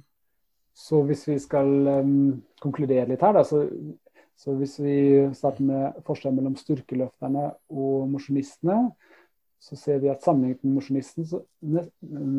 mosjonistene, så har styrkeløfterne i hvert fall en litt annen teknikk uh, som har påvirket leddmomentene signifikant. Så vi ser at styrkeløfterne løfter uh, mindre albudominant og litt sånn lik skulderdominant. Så man kan jo anta at de prøver, å redusere belastningen på det som muligens kan antas som være den begrensende faktoren i benkpress, altså dvs. Si tricepsmuskulaturen, og prøve å holde mest mulig fokus eller belastning på skuldermuskulaturen. Um, og for å oppnå det, da kan, man, kan, vi kanskje anta at det Eller for at de har klart å oppnå det, kan man kanskje anta at de har eller de senker stangen litt lenger ned på brystet, dermed reduserer belastning på albueleddet eh, redusere den vertikale range of motion, altså ved å få brystringer opp, um, som fører til at de muligens får involvert noe mer av nedre og midtre eh, brystmuskulaturen. Og det til syvende og sist kan hjelpe til å øke benkpressprestasjonen. Og i forhold til kjønn så ser vi at for det første vi har forskjeller mellom kvinner og menn. Om det som, som du sa, Mette, om det handler om at det er genuin forskjell mellom kvinner og menn, eller om det handler om styrkeforskjeller, det, det, blir litt spekulasjon. Men det vi fant, i hvert fall, det er at kvinner løfter mer albudominant og mindre skulderdominant. Så man kan eventuelt forvente også større treningstilpasninger av triceps og mindre tilpasninger av brystmuskulaturen hos kvinner. Um, og som vi nevnte litt tidligere, hvis kvinner eventuelt får albuen litt mer inn, dermed redusere belastning over albueleddet og øke belastning over skulderleddet, kan det muligens også føre til økt prestasjon i benkpress. Mm. What were the standard of the powerlifters? Were they just competitive powerlifters? Uh, ja, det var en del sprik i hvor sterk de var. Altså, jeg vil jo si at kanskje generelt de mannlige styrkeløfterne de var på et relativt høyt nivå. Um, den sterkeste tok en, var det 160 kg i 6RM. Um, mens hos de kvinnelige styrkeløfterne der var nivået generelt en del lavere sammenlignet med de kvinnelige mosjonistene. Det, var faktisk ikke så stor styrkeforskjell mellom de kvinnelige mosjonistene og de kvinnelige styrkeløfterne, men en stor forskjell mellom de mannlige uh, styrkeløfterne og mannlige mosjonistene. The reason I ask is kind of what Tom Eric said about is that just how they do it. Would it be too would it be too simplistic for a powerlifting coach to go right? Well, this study, these studies have shown less elbow, more shoulder. I need uh, me as a powerlifting coach. I need to change that if I want my powerlifters to be successful. Or I assume that's got to be future study in terms of some kind of uh, assessment just in a powerlifting sample. Does that make sense? Uh, ja, altså du tenker om bedre styrkeløfterne gjør noe som dårligere styrkeløftere ikke gjør? Yeah, so yeah. I suspect it's too simple for somebody to read this slide now mm. and say, right, as a coach, I need my powerlifters when they're benching to use their shoulders more. Mm. Or is it that simple? I don't know. Is it is it literally a simple fix to try to become more shoulder dominant in the bench press to have more success to lift heavier?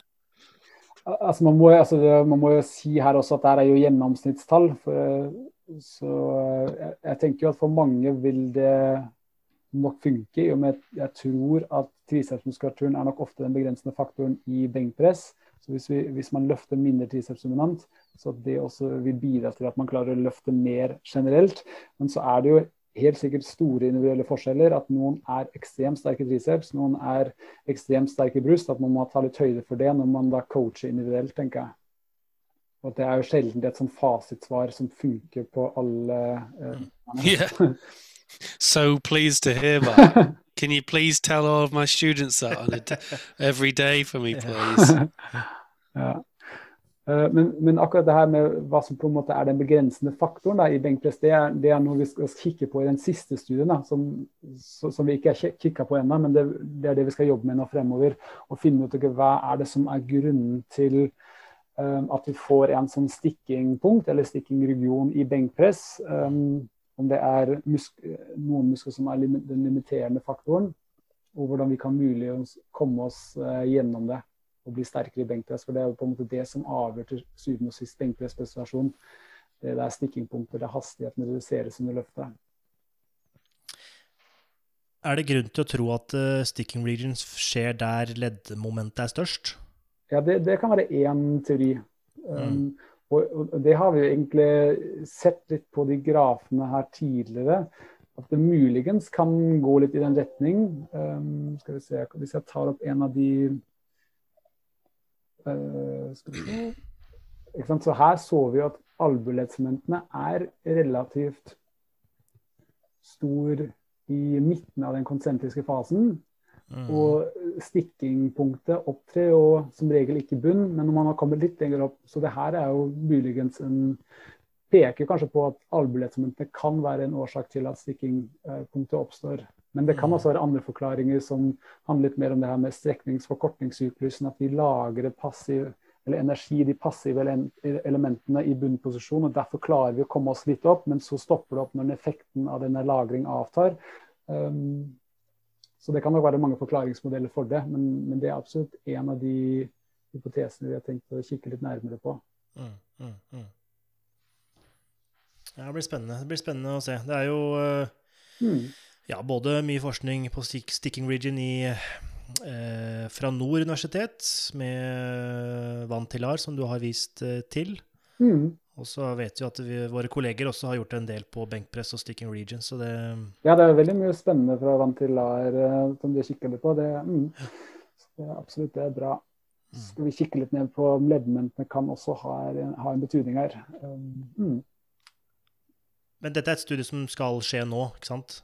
Ja, det, det blir på, basert på samme datagrunnlaget. da. Uh, som vil også riktig. si at vi, vi ser på stikkingpunktet i en 6RM, da, så på siste repersjon av en 6RM, som igjen kan muligens være litt annerledes enn stikkingpunktet i en 1RM, um, eh, som også blir en begrensning. Men jeg tror absolutt vi kan få noen interessante tall. fordi de, de alle forsøkspersonene kjørte til utmattelse til det stoppa opp.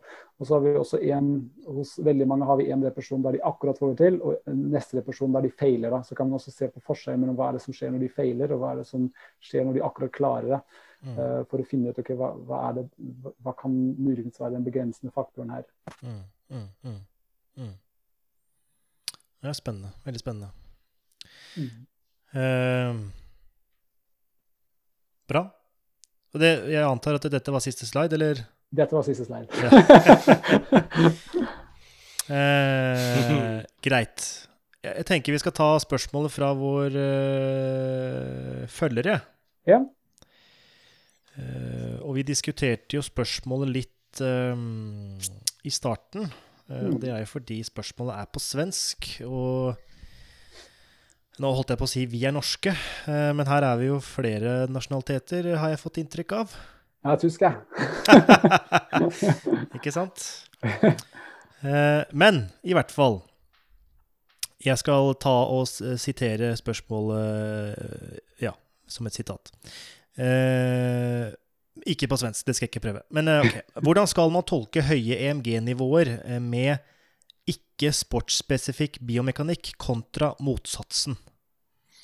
Uh, Tom Eric, we've had a bit of an update on that question, or have you seen it? Oh, no, no. Literally just now. Oh, cool. In the inbox. Oh, yeah. Okay. All right. Oh, you can do it. It's in English. so Eric has elaborated on that question. I see one type of per, sometimes the people that have strong opinions when it comes to EMG. They see high EMG values and think that it's the best exercise, mm. uh, even when the biomechanics is not as relevant to the sport. We, When that sports movement might have a lower EMG. So kind of what we talked about already. Yeah. Mm. Mm. For example, uh, good erector spine activation in a good morning is higher than in a deadlift. Does that mean that a good morning is greater than a deadlift for a power lifter? In what situation are EMG results useful and in what situation are they not so relevant? Good question. Yeah, yeah. ja det synes jeg er et godt spørsmål. Fra Erik Bergvall, altså. Yeah. Takk for det, Erik. Ja, altså, jeg tenker jo En av de tingene man kanskje må snakke litt om her, at det er jo sjelden én øvelse som, som, er optimal for noe som helst. Det, det, viser seg om og om igjen at det er liksom øvelsesvariasjon som er veldig viktig når man skal få treningsadaptasjoner over tid. Mm. Um, så det tror jeg er litt viktig å tenke på. Um, og så tenker jeg selvfølgelig også at EMG-aktivering spiller en rolle, men hvis man skal rette en øvelse spesifikt inn mot en idrett, så vil jo selve bevegelsesmønsteret kanskje være mer eh, eller være viktigere enn muskelaktivering i seg selv. Så jeg tror ikke jeg hadde tatt utgangspunkt kun i høye EMG-verdier mm. som grunnlag for å si at det her er en bra øvelse for den idretten, for her har vi høye EMG-verdier. Mm. Så, så, hvis man skal finne gode øvelser for sin utøver som driver med en idrett, eh, eller er ute etter et spesifikt mål, så må man godt bruke EMG-studier, men man må leite litt mer enn det. Man må se ja. etter flere ja, eh, komponenter som utgjør en øvelse.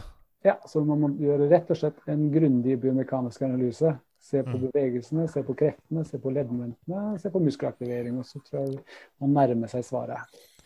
Men hvis man ikke har den kompetansen til å gjøre en biomekanisk analyse, men man har kompetanse til å se at dette tallet er høyere enn dette tallet, mm. Hvilke tips vil du da gi til en trener som skal prøve å finne en eller flere gode øvelser til sin utøver? Hva er det han eller hun skal se etter? Eh, altså, da tenker jeg Bevegelsesmønster er nok kanskje en bedre indikasjon enn ren muskelaktivering. Ja, ja enig. Ja. Veldig enig. Just to extend on that, I think it goes back to the one of the original points we said about this maybe lack of understanding of fundamental biomechanics, which is essentially fundamental physics. It's a pretty hard question for you to uh, answer here, but I'm going to try it anyway. But what things, for example, me and Tom Eric, as uh, teaching in Herg school. What could we teach better, do you think? And you can maybe think about your own experience as a student, or imagine like you are delivering education to personal trainers.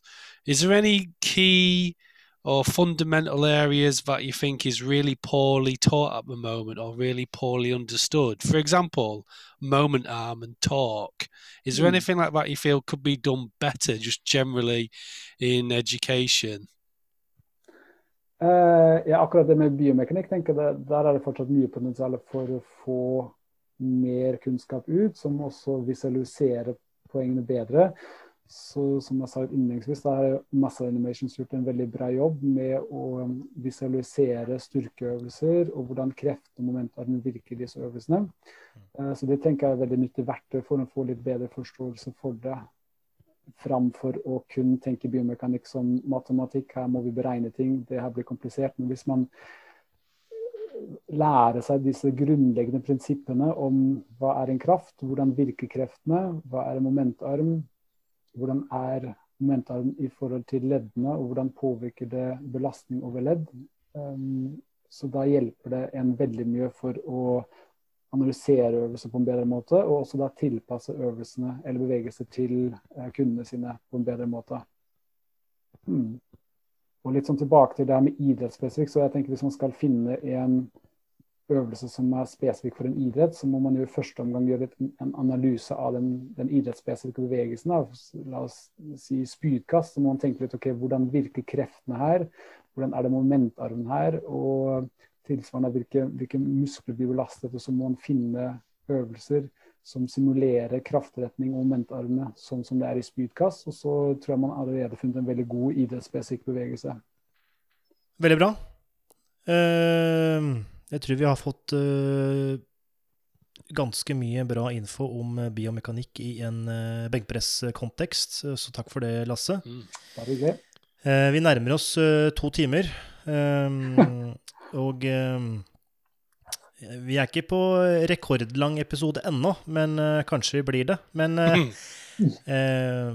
jeg føler vi er ved enden. og føler du selv, altså, at du har fått sagt det du ønsket å si i dag? Eh, ja, det tror jeg. Og hvis det er spørsmål, så er det bare å kjøre på. Ja. Hmm. Uh, nei, vi, vi, har fått, vi, har ikke fått flere spørsmål uh, per i dag, men uh, hvis folk ønsker å kontakte deg og mm, ja. spørre deg om noe, noe, annet, eller det samme, eller hva som helst, så er jo sikkert det mulig. Absolutt. Mm. Og, når, og, og, i den sammenheng, når det kommer til kontaktinformasjon, så er jo du som alle andre, nesten alle andre, på det store nettet. Så hvis man ønsker å følge din virksomhet videre, rent digitalt, hvor er du i den digitale sfæren? Eh, det letteste er kanskje på mail. Old school. Er det, er det det letteste? ja, altså, Instagram har jeg selvfølgelig òg. Um, men det, det, det, blir på en måte mest privat. altså Jeg er ikke noe sånn profesjonelt Instagram-account. Riktig. Ja, men Da skal vi legge ut uh, mailen din. Ja, jeg tror det er lettest. Og ResearchGate, selvfølgelig. Der er det også aktivitet. Der er det også aktivitet, ja. Oh, Twitter. What's going on? Ah, not there. ja, ja, ja, ja. Synd å høre. Yes. ja, kanskje en gang i fremtiden. Kanskje, ja, det, det er helt sikkert. Ja. ja men Da vil jeg takke for praten, Lasse. Bare hyggelig. Det var det for denne gang. Takk for at du hørte på, og vi høres om litt.